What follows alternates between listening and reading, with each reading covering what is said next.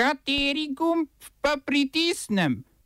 Tisti, na katerem piše OF. Kazahstanski predsednik Nazarbajev se poslavlja. Brazilski predsednik Bolsonaro na obisku pri Ciji. Podpisan sporazum o sodelovanju med levico in koalicijskimi strankami. V kulturnih novicah 50. obletnica Radio Student in 101. obletnica Bala.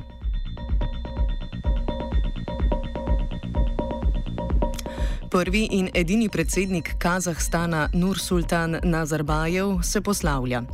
Po slabih 29 letih na čelu devete največje države na svetu je Nazarbajev sinoči v televizijskem nagovoru sporočil, da je podpisal dekret o predaji pooblastil predsedniku senata Kasimu Jomartu Tokajevu, ki bo začasno prevzel funkcijo do naslednjih volitev.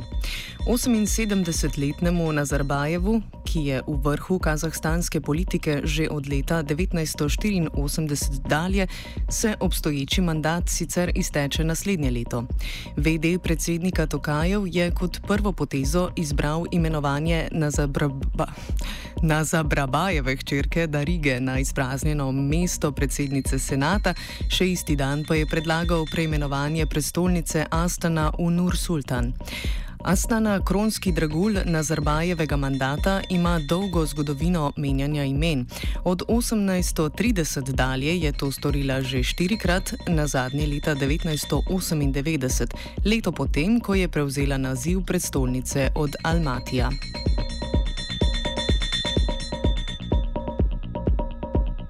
V vzhodnem sibirskem Jakutsku zaradi protimigranske histerije ostaja zaprtih večina prodajalen, ki jih upravljajo priseljenci in migranski delavci iz držav Srednje Azije. Prav tako na delo ni prišlo veliko šoferjev javnega prevoza.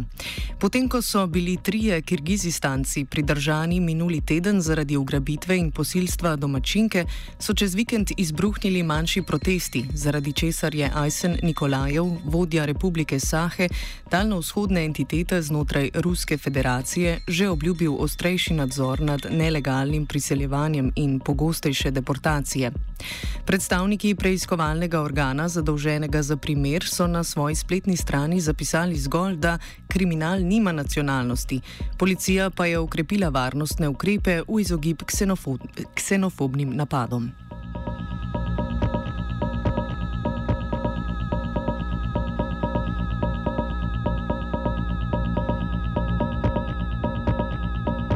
Evropska komisarka Margret Vestager je najavila novo kazen za Google.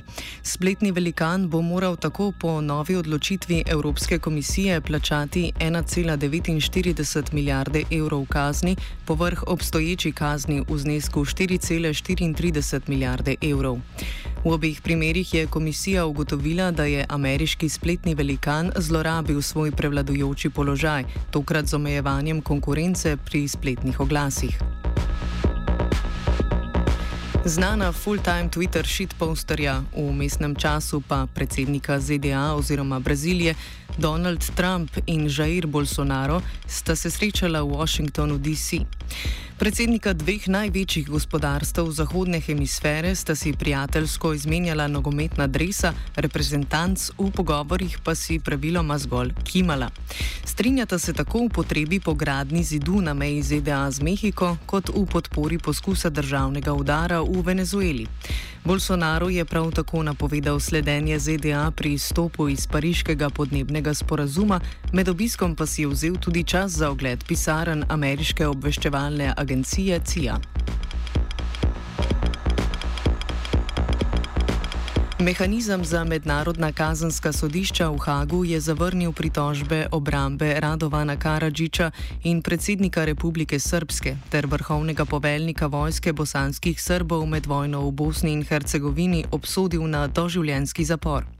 S tem je sodišče ugodilo zahtevi toživstva, ki je menilo, da je prvotna kazen 40 let zapora preniska za zločine storjene v Srebrenici in v Sarajevu. Oba, če, če bom odgovoril na angliški. Slovenija will try to help.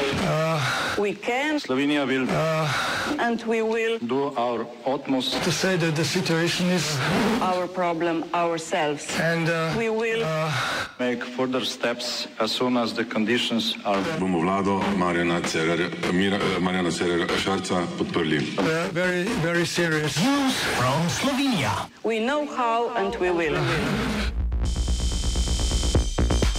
Člani odbora državnega zbora za zunanjo politiko so zavrnili dva od treh predlogov stranke Levica v zvezi z dogajanjem v Venezueli. Zavrnili so predlog preklica prepoznanja Juana Guaidoja za začasnega predsednika, kot tudi, da bi se morala Slovenija pridružiti prizadevanjem za stabilizacijo razmer v okviru Združenih narodov. Da popravijo vtis, so v odboru vsaj sprejeli priporočilo, da nasprotujejo vojaški rešitvi krize.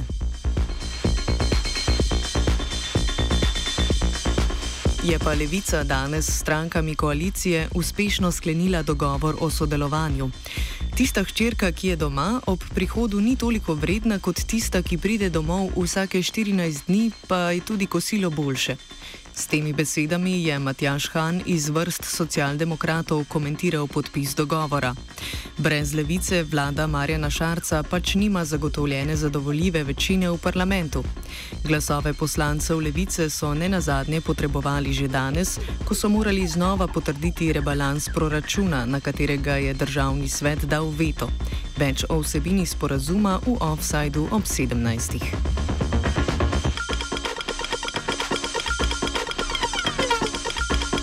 Državni zbor se je seznanil z odstopom Jureta Lebna z mesta ministra za okolje, kjer ga bo praviloma nadomestil Simon Zajc. Leben, ki ga je iz pisarne odpihnila afera okoli javnega naročila makete drugega tira, je izstopil tudi iz vrst stranke Modernega centra, vrnil pa se bo na delovno mesto v portoroško podjetje BLS Sinergije, ki se ukvarja s hotelsko dejavnostjo. Tam bo načeloma opravljal funkcijo pomočnika direktorja Rajka Reška.